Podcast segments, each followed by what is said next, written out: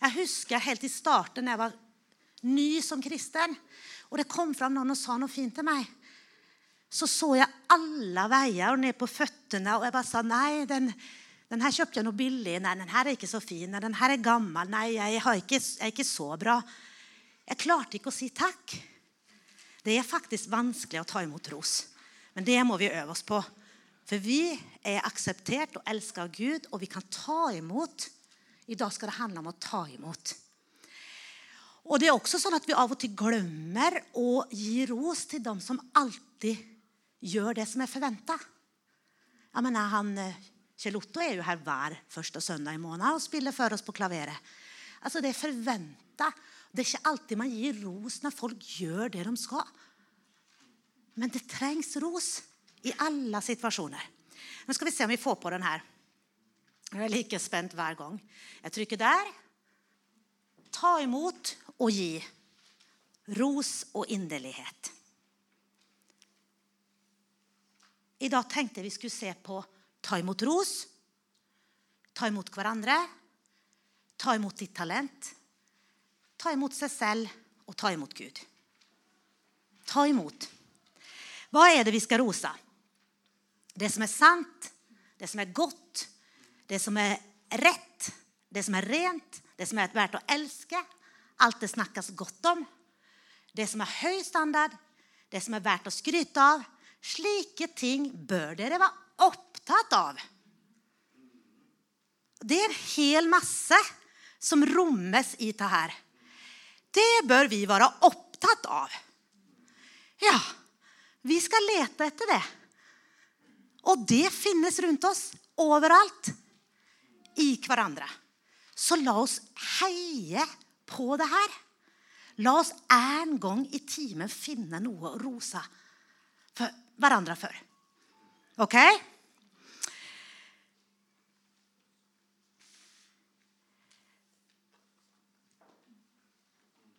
Nå skal vi se, nå har det stokka seg litt for meg her. Her kom, ok, Vi tar den først, da, siden den kom først der.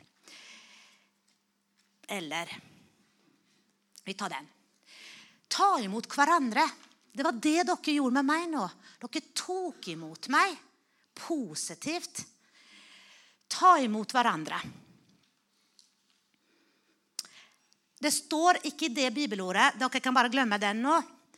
La kjærligheten ikke være hyklerisk. Avsky det onde, hold fast på det gode. Var varmhjertede mot hverandre. Vær varmhjertede. Vis ekte kjærlighet. Kappes om å hedre hverandre. Og da er mitt spørsmål, Har du lært deg noe fra noen andre? Ta imot hverandre. Har du lært deg noe fra andre? Det står i ordspråksboken at jeg ser meg selv som et ansikt speiler seg i, et, i vannet, der du ser et annet ansikt, ditt eget. Slik som du speiler i et vann, så speiler du deg i den andre. Når jeg ser på Lars, og Lars snakker til meg, og vi har et samspill, så ser jeg meg sjøl gjennom andre. Selvinnsikt er en veldig god ting. Vi kan av og til synes at vi er bare så gode som gull sjøl. Men så kan det være sånn at budskapet mitt når ikke fram til andre pga. at jeg kanskje ikke har sett meg sjøl Altså, Hvorfor er det sånn? Hvorfor møter jeg det her? Hvorfor tar ikke folk imot det som jeg har? Kanskje selvinnsikt. Med hvem er jeg? Hvordan formidler jeg? Hva begynner jeg med? Heier jeg fram? Roser jeg? Ser jeg den andre? Er mitt liv fullt med kjærlighet? Er det fullt med omtanke? Tar jeg imot den andre personen som en gave inn i mitt liv? Eller er det jeg som har noe jeg skulle ha sagt inn her nå? Altså, Hvilken holdning, hvordan møter jeg andre? Vi speiler oss i samspill med andre, og vi kan få god hjelp til selvinnsikt. Hvordan vi fungerer når vi studerer oss i lag med den andre. Samspill med andre er skikkelig bra.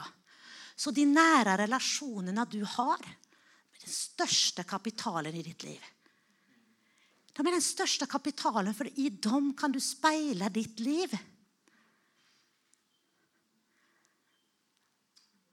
Og din mann er veldig bra. Og din kone er veldig bra i denne sammenhengen. her. Nære, trygge relasjoner som vi kommer nært, har noe å lære oss. Så vi kan ta imot hverandre. Andre trenger å bli oppmuntra av oss, for de kanskje ikke tenker så stort om seg sjøl. De tenker for lite om seg sjøl. Hvem er jeg? Er det noen som bryr seg om meg? Og Det er fantastisk å tenke på at alle er vi underbart skapt. Og vi er tatt imot av Gud, og han elsker oss. Og vi har alle en fantastisk verdi. Og i lag med andre og Når vi ser, så kan vi bli løfta av nettopp rosen, varmen, kappa som er hedra. Så vi kan så inn i andre menneskers liv for å løfte dem opp. Så ta imot hverandre. Og Da er det også et spørsmål hvem vinner vi sammen med? Nei, vi, er, vi er ikke én og én, vi er i et samspill. Vi er i et lag. En familie er et lag. Menigheten er et, et, lag, et team. Hvem vinner vi sammen med? Vi vinner sammen med hverandre. Vi er ikke én og én, men vi er ett lag ta imot hverandre. Når vi tar imot hverandre og vi spiller som et lag, så er det utrolig mye vi kan gjøre sammen. Bare tenk på det som ligger foran oss. Ingen kan gjøre det alene. Kun som en mann, som en menighet, som står sammen om at ja, vi tror Gud har åpnet en dør for oss. En helt unik dør. At vi skal få lov til å Kanskje bygge en kirke der folk er. Der vi møter folk til hverdags. Så var det det med ensomhet, da. Vi har kanskje gitt oss til laget. Vi har gitt oss til fellesskapet. Men midt i det så kan jeg faktisk være ensom. Og det kan være vanskelig å innrømme. Jeg er midt i laget, og jeg føler meg så innmari alene. Jeg er så ensom. Og det er sant, for det har jeg hørt. Ja, men jeg, det er aldri noen som kommer hjem til meg. Jeg er så ensom. Det er flere som sukker. Og vi trenger kanskje ikke gå lenger enn til oss sjøl. Så føler vi oss selvsagt ensom av og til. Jeg har sagt til Erlend Erlend, jeg er så ensom. Oi, er du ensom?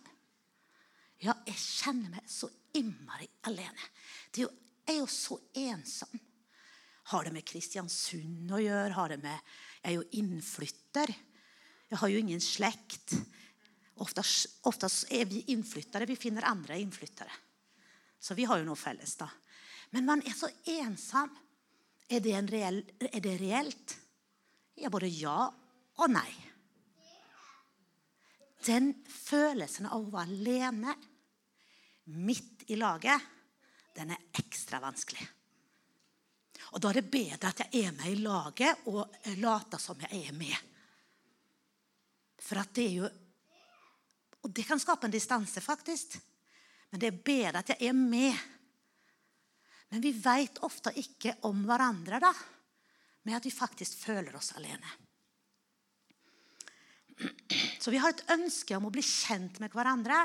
Vi har et ønske om å vite hvor du jobber, hvor jeg jobber, hvor mange barn jeg har, hvor mange barn du har, hvor du kommer ifra. Vet du hva? Helt alminnelige ting om hverandre. For da føler jeg jo at jeg kjenner deg bedre. Og når du har vært hjemme hos meg, så kjenner du meg. Du veit hvor tøflene mine står. Du veit hvor pleddet ligger. Det ser du for deg. Der sitter du og slapper av. Vet du hva? Vi blir kjent når vi kommer hjem til hverandre òg. Så la oss komme hjem til hverandre. La oss kjenne på det at laget er der. Og så er det nære venner. Alle kan ikke bli nære venner med hverandre. Men nære venner er noe Gud, Bibelen snakker om. Men så snakker den også om å ta vare på den svake. Er det noen trøst i Kristus? Eller jeg kan faktisk ta og slå opp det her, da.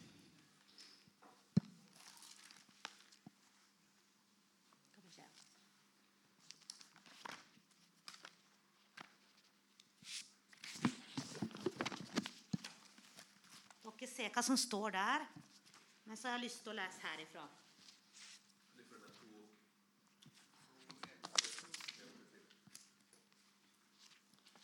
Filippebrevet 2, 1-4.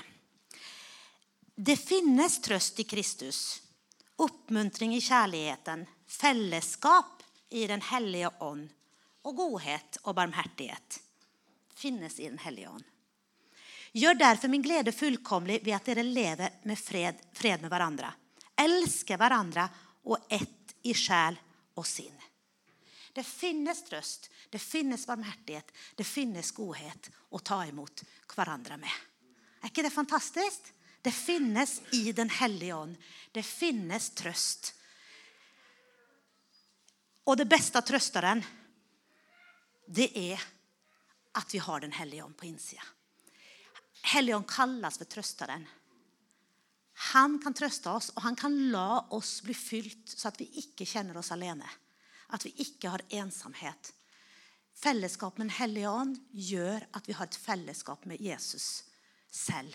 Og bare Jesus. Og som du sier, Hvis vi skaler av alt annet, og vi blir ekte, sånn som Kjell Otto sa her og ba her, så er det det som teller. At vi har Han i hjertet, og vi fyller oss med Han.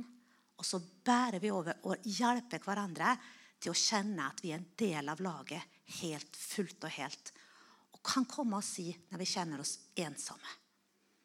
Vi kan spørre om jeg får komme til deg på en kopp kaffe eller en kopp te. Eller om du har lyst til å gå ut og drikke kaffe med meg. Det er ikke sikkert de trenger å bli bestevenner, men vi kan bry oss om hverandre. Høres det bra ut? Ta imot hverandre. Å, skal vi se. Ta imot ditt talent. Framfor alt ha inderlig kjærlighet til hverandre. Kommer nå hele tida. Framfor alt ha inderlig kjærlighet til hverandre. For kjærligheten skjuler en mengde synder. Vær gjestfrie mot hverandre uten knurr. Ettersom enhver har fått en nådegave, så tjen hverandre med den som gode husholdere over Guds mangfoldige nåde.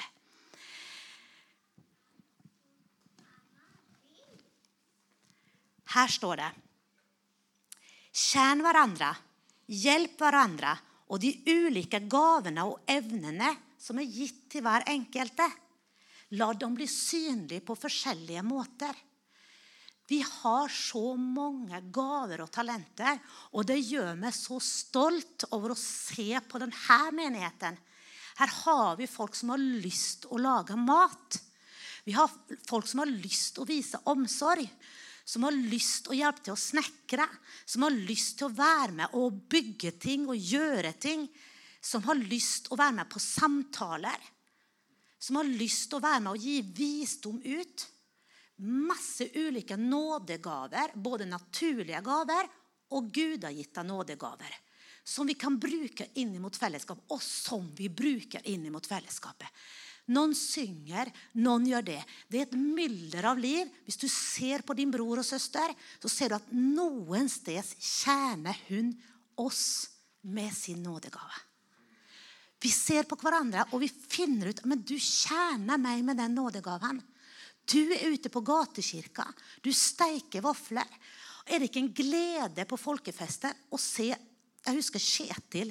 Han var helt svett av å steke vafler. Han Han hadde ikke sett opp og fått med seg nå, for han har steikt så mye vafler og tjent våre mennesker på torget med de vaflene. Det var helt fantastisk å se hvor vi tjente hverandre. Og det er ditt talent evne til. Det er det du skal gjøre. Tjene med din nådegave. Så vi må ta imot vårt talent og vår gave og gi den videre.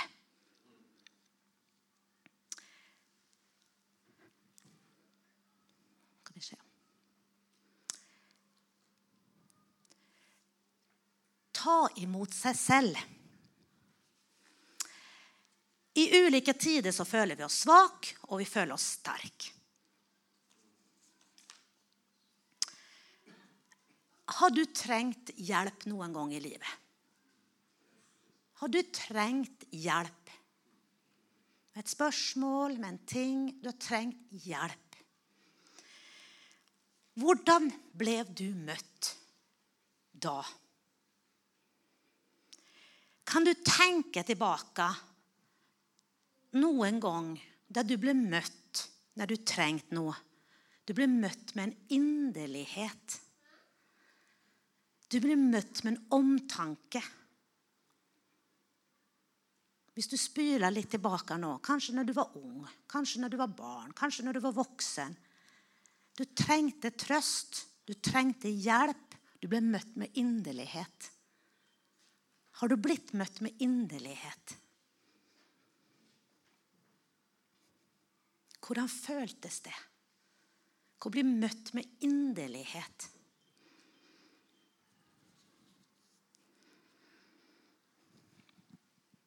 Det snakker Bibelen veldig tydelig om. Å ha medømk, ha inderlighet. Det er ikke et ord vi bruker til dagligdags, men du verden hvor godt. Hvor verden går bli møtt med inderlighet. Så vi kan rose hverandre. En gang i timen kunne vi kanskje ha møtt folk med inderlighet en gang for dag en gang for dag møtt noen med inderlighet. Jeg er sikker på at du gjør det. Men hva gjør det med andre mennesker når du gjør det i samspill med dem? Hvordan føler de å bli møtt av deg? Hvis du møter dem med inderlighet, hvordan føler de da? Vi opplever ulike prøvelser i livet. Livet er ikke alltid så at det blir sånn som vi har tenkt. Noen ganger går det i stykker. Og Da skulle en psykolog sagt at nå er grunnvilkårene robba. Nå svinger det litt under, under marken din. Nå er, nå er grunnvilkårene ikke på plass. Du har ikke alt det du trenger her nå, men du er litt på vaklende grunn. Det kan være sorg, det kan være skilsmisse, sånne store ting. Og det rammer oss troende òg. Det er ikke bare menneskene uti der, men det rammer oss. Oss her inne, vi, flere av dere nå, føler at flere av slike ting er til stede i ditt liv. Men det er ingen av dem rundt deg som ser det. Men du har det kanskje noe i din familie, i din nærhet. Og nå skal jeg ramse opp noe som Det kan være sorg, det kan være relasjoner som har blitt ødelagt. Det kan være at man opplever samlivsproblemer. Det kan være skilsmisse, som jeg sa. Det kan være utroskap. Det kan være pornografi i hjemmet. Det kan være at det er en rusmisbruker i din familie. Det kan være at din eh, kjære datter eller sønn har gått og blitt forelska i noen i samme kjønn. Det kan være selvmordstanker, det kan være angst, det kan være depresjon. Listen kunne gjøres hvor lang som helst av ting som rubber vår virkelighet. Som gjør at ikke ting er akkurat sånn som det burde være. Hvordan tar vi da imot oss selv? Og hva møter oss fra andre mennesker? Hva skjer med oss i forhold til fellesskapet? Hva skjer med oss i forhold til hverandre? Og kan jeg si dette her? Hvilken holdning blir jeg møtt med? Jeg vurderer veldig nøye kan jeg si dette her til deg. Jeg lurer på hvordan jeg blir møtt. Du og jeg vi har antenner ute og tenker kan jeg si det, kan jeg ikke si det? Hvor mye kan jeg si? Og Så begynner jeg å si det til noen, og så kjenner jeg blir møtt godt med inderlighet. Da sier jeg mer enn jeg hadde tenkt å si. Det var så godt.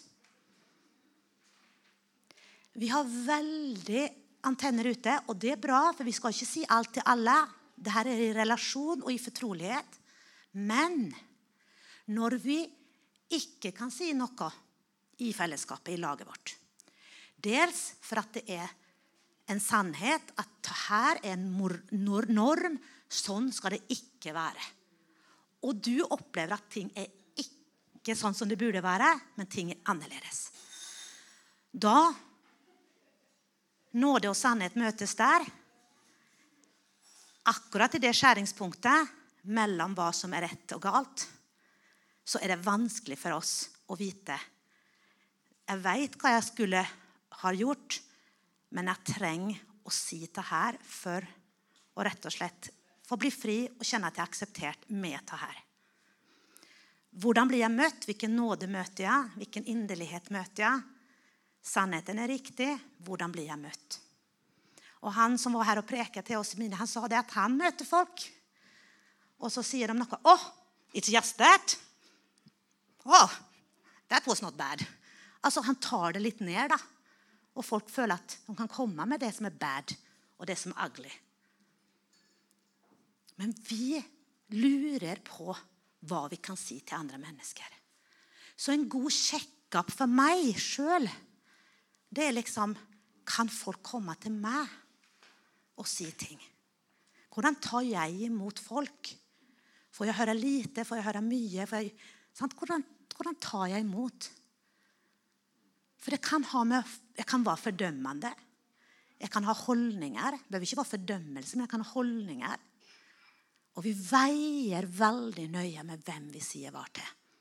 Og det er for at vi er redd for hvordan vi skal bli tatt imot. Og vi er ikke vane til å håndtere de her tingene. Vi er rett og slett litt redd for det. Og vi kan bli tause pga. det, og vi kan avvise pga. det så kommer skammen og banker på. Og hva gjør skammen? Den kapsler oss inn. Den gjør oss forknytt. Den kapsler oss inn. Og den drar meg bort fra fellesskapet. Eva og Adam, det første de møtte, var skammen. De gjemte seg, og de gjemte det mest sårbare. Da gjemmer man det sårbare og skaper en distanse. Og noen går rett og slett ut fra fellesskapet. Med skammen, med det som de da ikke vil vise fram. I stedet for å komme nær til der hjelpen er. Jesus gjør det motsatte. Johannes 8 hun er grepet med ekteskaps... nei, med i hor, og de er klare til å steine. Jesus med sine ord viser inderlighet, men ikke bare med ord. Han er så fantastisk, denne Jesus. Hvis vi bare har Jesus. Han bøyer seg ned fysisk sammen med dama og skriv noe i sanda. Han hadde blitt steina, han òg, hvis de hadde kasta. Fått den steinen på seg. Han bøyer seg ned. Han gjør noe så fysisk da. Ikke vakkert. Johannes 4, kvinnen ved brønn. Jesus veit, men Jesus trenger ikke å ta henne med en gang. Jesus gir henne tid. Tid til å reflektere, tid til en prosess. Og så kan han ta opp det som er vanskelig, på en veldig grei måte.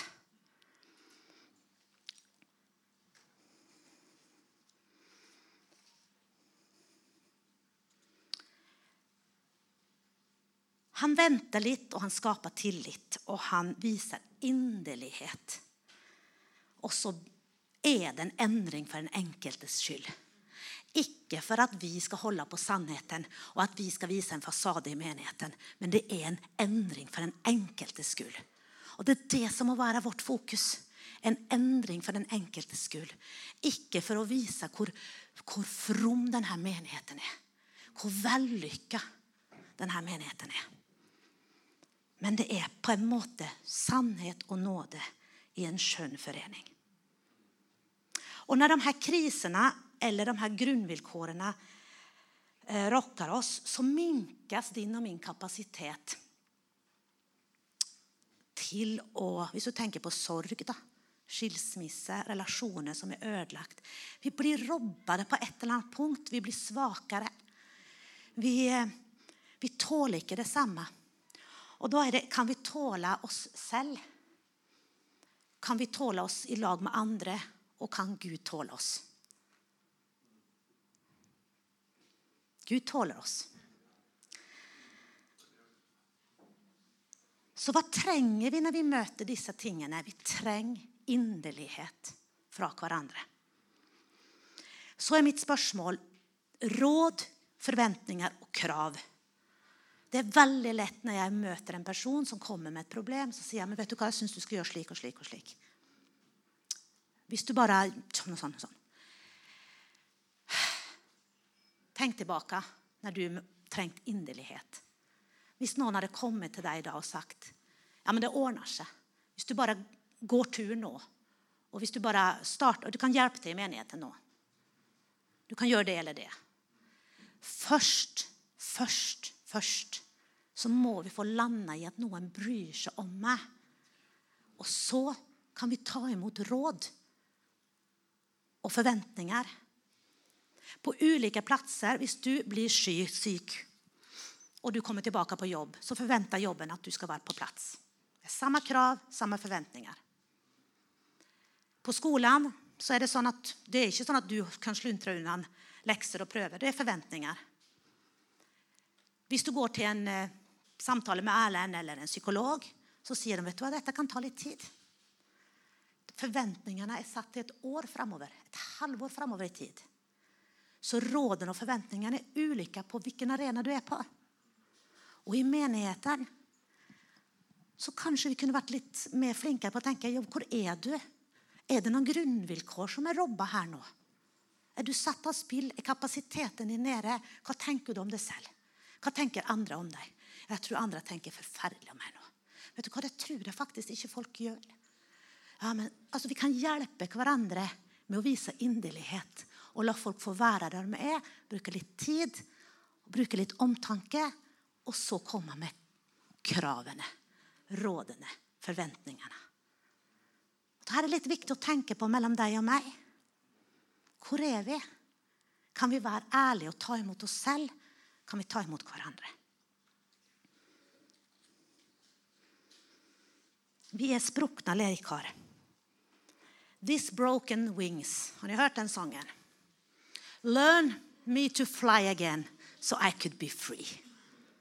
Litt broken wings. Dette er svake leirkar. Hvorfor skal vi tro at vi er så sterke? Learn me to fly again. Let me be free. Skammen må ofte være uttrykt som en ærlighet, og den gjør meg fri i stedet for å kapsle sin. Og Hvis mennesker opplever avvisning, så er veien veldig kort ut fra fellesskapet. Og hvorfor kan fellesskapet oppleves som den vanskeligste stedet å fortelle når det er der hjelpen er? Og det var akkurat det med den sannheten, da, normene i skjæringspunktet med nåden. Og det fikk vi høre så fantastisk også her. At nåden må komme først. Inderligheten må komme først. Og så tenkte jeg, han, Bjørn Eidsvåg kan man jo si mye om. Men at han er en tekstforfatter og en skribent, det er fantastisk. Og han har en sang om, om kravene eh, fra kirka. 'Dag for dom' heter den sangen. Og det her er refrenget. Og Nå skal ikke jeg snakke nynorsk, eller hva det er som står her, men jeg får ta det på mitt svorsk. Vis meg et bilde. Syng for meg en fin sang. Fortell meg om nåden. Vis meg en soloppgang. Kom og hold rundt meg. Det er trøst jeg behøver. Tross min motstand, hold meg fast til jeg er over, min venn. Hold meg fast til jeg er over disse grunnvilkårene som jeg robber ifra nå. Hold meg fast. Vær min venn. Hold meg fast.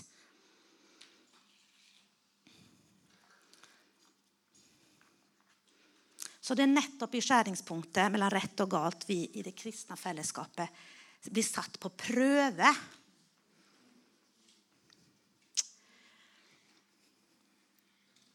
Ok, Får du noe utbytte? Er du nervøs nå? Er du litt redd nå? Hvor er det hun skal nå? Det var jo så intime ting vi snakka om i dag. da. Er det greit? Har du det bra? Slapper du av nå? Jeg skal ro det her i havn. Denne preken handler om medmennesker og samspill, interaksjonen deg og meg imellom. Og Jeg håper Den hellige ånd har liksom snakka med deg. Men så har vi den siste, og det er å ta imot ifra Gud. Og det kan være vanskelig i kriser. Himmelen er lukket. Himmelen er stengt. Det er så taust. Jeg kan i hvert fall ikke få noe fra Gud. Har ni hørt? Har ni kjent? Han er Det er kjente setninger sant? som vi har møtt. Når Bibel og bønn er vanskelig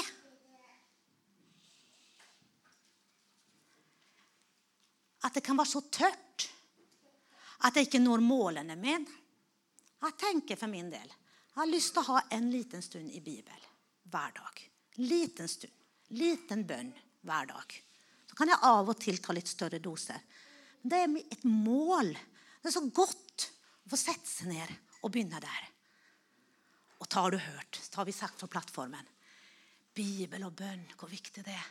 Det er, jo, det er, jo, maten, det er jo livet vårt, det er jo relasjonen vår. Det er jo alt det her. Og det blir sagt opp og i vente. Og det er så rett. Og jeg bare elsker det. Og det gjør du òg. Du vet at når du har sittet ned og du får noe, og du sitter der åh. Og hvis du ikke får noe, så bare les det likevel. Og du har i hvert fall god samvittighet. Du har i hvert fall åpna boka. da. Og du ber i bilen om ikke annet. Og du... Men vet du hva? Hvis vi hadde hatt en håndsopprekning her nå, og jeg hadde spurt er det problematisk, syns du det Åpner du Bibelen din? Ber du? Vet du hva? Hvis du hadde vært ærlig, da, så er det mange hender her. Jeg vet du hva, jeg, får, jeg har ikke åpna Bibelen min. Jeg glemmer bort å be. Jeg får ikke tid til å be. Hvorfor later vi som at vi ber og leser vår bibel hvis det er tilfelle at så mange ikke gjør det? Jeg snakket med en predikant i går på ferga. Og så sa jeg, vet du, tror du at folk leser Bibelen og ber? Nei. Vet du hva, jeg tror faktisk ikke det. Gjør de ikke det? Nei.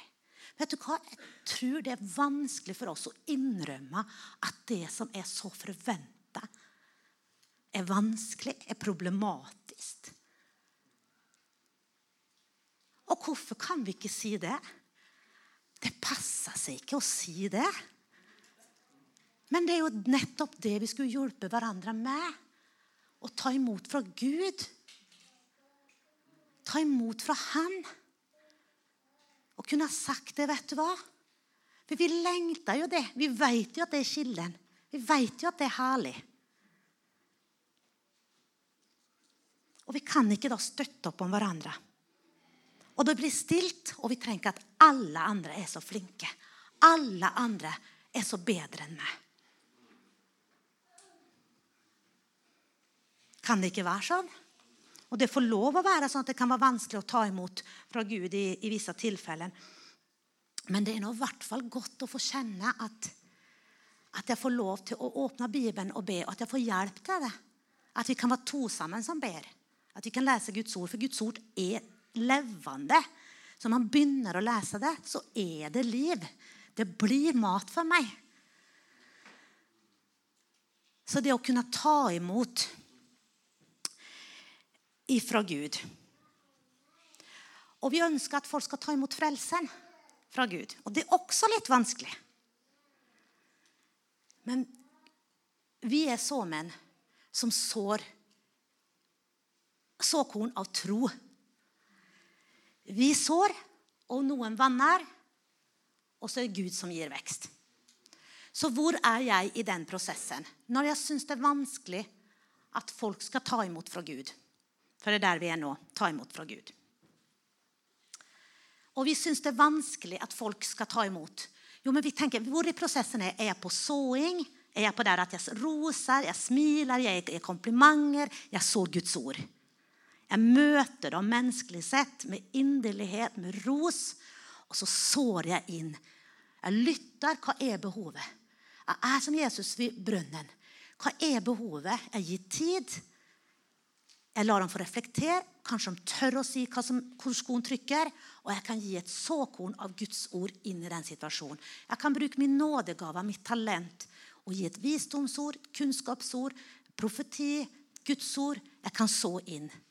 Og så er jeg en del av en prosess. Kanskje det ikke blir så vanskelig da. Jeg sår, eller jeg vanner. Men det å ta imot fra Gud det opplever vi av og til er vanskelig. Og vi opplever at det andre mennesker er vanskelig for å ta imot. Det er jo selvfølgelig for at de ikke har sett. Men vi må komme folk nær. Og vi må hjelpe mennesker overnaturlig. Tenk på Jesus. Han fikk overnaturlig visdom, overnaturlig svar til folk. Og du og jeg vi har Den hellige ånd til å svare hvert enkelte menneske på det store spørsmålet de bærer på. Den skammen, den frykten, behovene. Du og jeg er lik som den naboen. Det er bare litt forskjell på oss. Vi har helt vanlige liv. Vi har regninger, vi har unger. Vi kanskje skammer oss for at vi ikke oppdrar ungene våre godt nok. Vi skammer oss for vi gjør ikke jobben vår bra nok. Jeg skammer meg for jeg er sykmeldt. Jeg skammer meg for at nå er, er jeg ikke på plass i livet mitt. Vi har akkurat de samme kårene som alle andre. Det er en prosentdel som skiller oss. Eller en, altså en del. Og det er at vi har fått tak i en dimensjon i livet som kalles det åndelige livet. Og med det åndelige livet så kan vi operere åndelig, overnaturlig. Gi av det mysteriet vi har fått. Og den er til stede når vi helt menneskelig har møtt andre mennesker. Og vi får gi et såkorn som kan være et forvandlende såkorn i morgen for den personen. Hvis vi kunne tenkt at vi er en, med vårt talent er vi en kanal imot andre til å ta imot ifra Gud.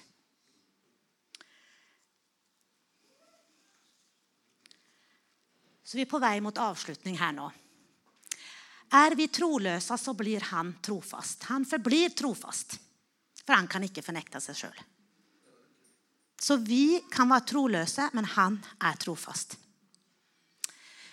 Skal vi se Andre kor fem. Hvis jeg finner det her.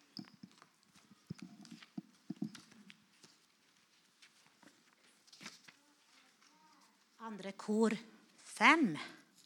Vi se. Stemmer det?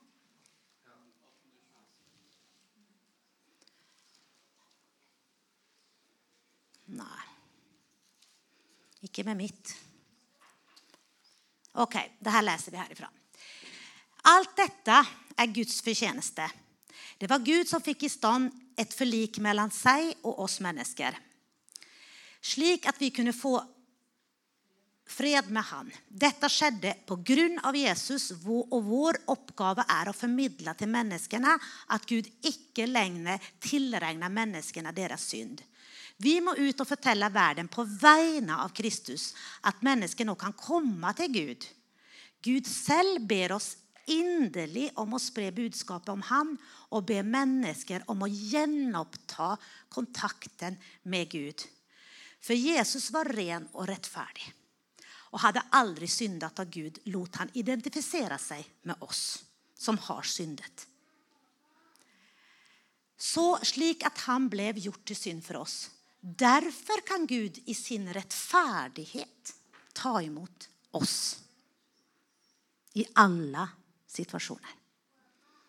Fordi Gud gav oss sin rettferdighet.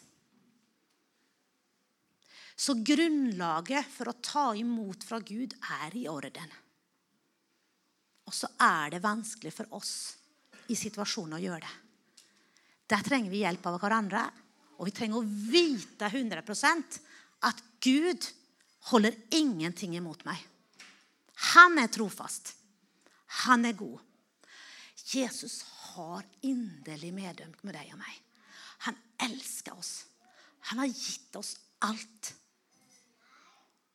Husk på når du møtte Jesus, hvor inderligheten og At du kjente det elsket for første gang som ingen annen har elsket deg. Ingen menneske kan elske det sånn som Jesus og Gud kan elske et menneske på dypet. Ingen som kan erstatte det. Erlend kan være et godt bilde på, på kjærlighet fra Gud til meg.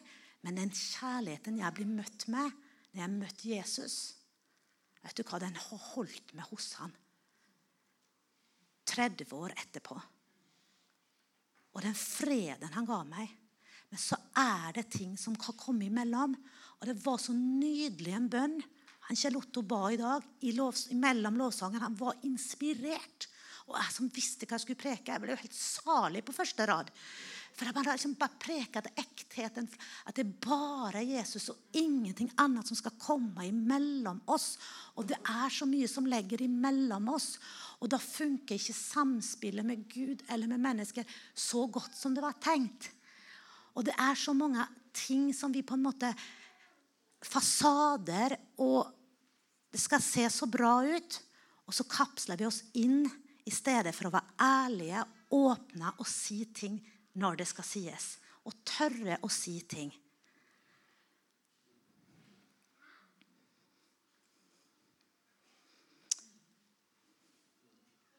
Og bare for å henge på temaet som Erlend eh, Jeg kan ikke være semre enn Erlend, da. Så by the rivers of Babylon Oi da, hva var det nå som skjedde, Ellen?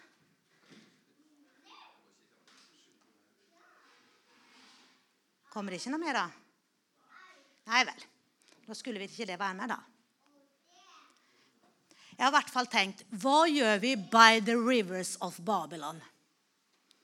Der setter vi oss ned. Der, om vi kan forlate vårt Jerusalem iblant For nå snakker jeg om å ta imot fra Gud, og at andre skal få ta imot fra Gud. Hvordan hadde det vært om vi hadde kunnet satt oss ned ved folk by the rivers of Babylon. Forlatt litt Jerusalem, forlatt liksom vår egen ting.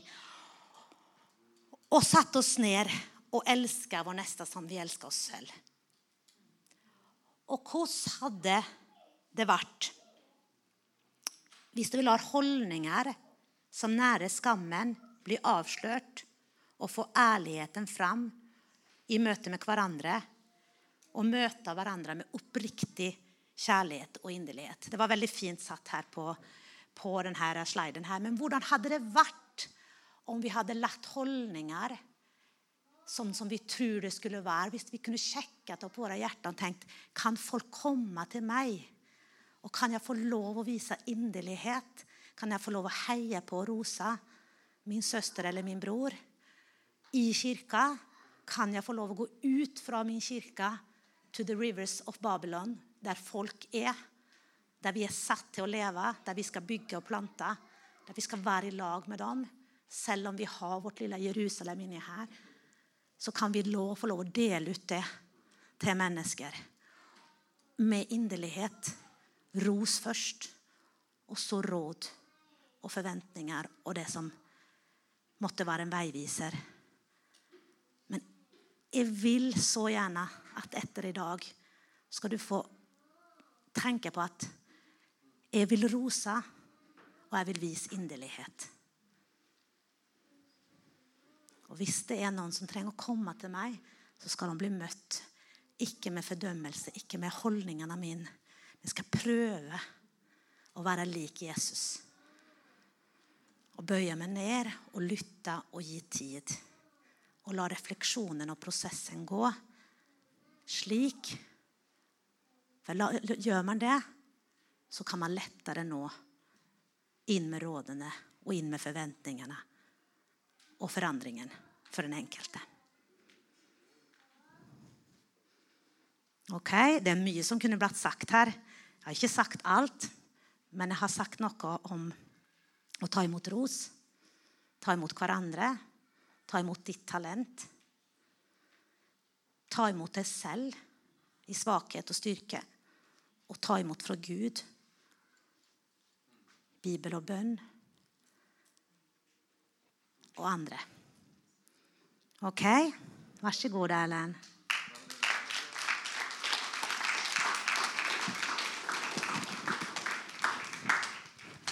Så nydelig, Annika. Veldig viktig tema. Eh, jeg tenkte på det Når du snakka nå, så tenkte jeg på eh, hun, eh, doktor Brené Brown som er hjerneforsker, og som Nei, hun er hjerneforsker. Ja, det er hun, ja. Hun, det er sant. Jeg blanda. Eh, men hun har forska på det med skam. Og egentlig så begynte forskningsstudiet hennes det begynte med at hun skulle forske på lykkelige mennesker. Hvem er det som er lykkelige mennesker? Eh, og hun forventa at hun skulle finne et svar som var noenlunde dem som det lå til rette for. Dem som hadde et greit liv økonomisk, dem som på en måte hadde det lina opp i livet sitt. Dem eh, forventa hun å finne som lykkelige mennesker ut ifra sin forskning. Så gjorde jeg stor forskning på det. Men det som eh, forundra henne, var at svaret lå ikke der. Men svaret lå faktisk i akkurat det Annika snakka om nå, i det å våge å elske, våge å elske på den måten at det gir meg sjøl uten at jeg veit fullt ut hva det er jeg får tilbake. Og vi kjenner jo igjen det som Guds kjærlighet, der Gud våger å gi seg til oss uten at han helt veit vår respons. Men mennesker som våger å gi seg sjøl, våger å, å åpne opp, våger å slippe skammen, faktisk. Det er det største vågestykket vi gjør, men samtidig så er det største nøkkelen hvis vi skal leve lykkelige liv. Men vi er livredd for det fordi at Fordi at vi er så redd for at det at du kjenner meg sånn som jeg er, er redd for at det vil gjøre at du ikke godtar meg. At det blir stående utafor. Men det er derfor vi trenger å lage et fellesskap der vi kan være ærlige, og vi kan opptre helbredende, løftende.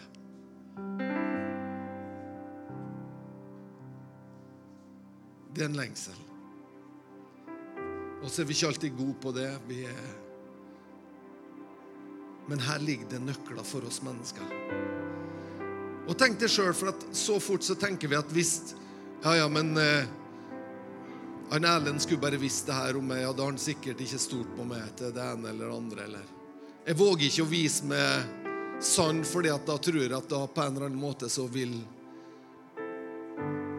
andre diskvalifisere meg eller si at Nei, du, dessverre. Beklager. Sant? Det sier vi til oss sjøl. Men prøv å tenke tanken andre veien. Så tenker jeg at vet du, hvis du Hvis jeg våger å være ærlig med en Lars og sier 'Lars, det her er vanskelig for meg'. Hvis jeg våger å være sårbar, hvis jeg våger det, sånn at jeg viser han min svakhet kommer Lars til å forakte meg for det. Vi forakter ikke dem som åpner opp til oss. Vi fører oss beæra. Jeg føler meg beæra hvis noen kommer til meg og sier 'Erlend, sånn står det til'. Sånn er det. Jeg føler meg beæra. At du stoler på meg på en sånn måte at du vil betro det til meg. Da føler jeg meg beæra. Og så tenker jeg ikke at ja, men Det var jo forferdelig. Men da tenker jeg vet du, at hvis du tør å være ærlig med meg på dette området som er så sårbart, vet du, da føler jeg at jeg kan stole på det når det gjelder hva som helst ellers. Jeg føler jeg kan stole på det fordi at du våger å ta det som er så sårbart for din del, og være ærlig med det. Men vet du, Da kan jeg sette over mye ting. altså. Skjønner du? Altså at det ærlighet, sårbarhet, skaper ikke avstand. Det skaper nærhet. Og vi kan våge å være et sånt.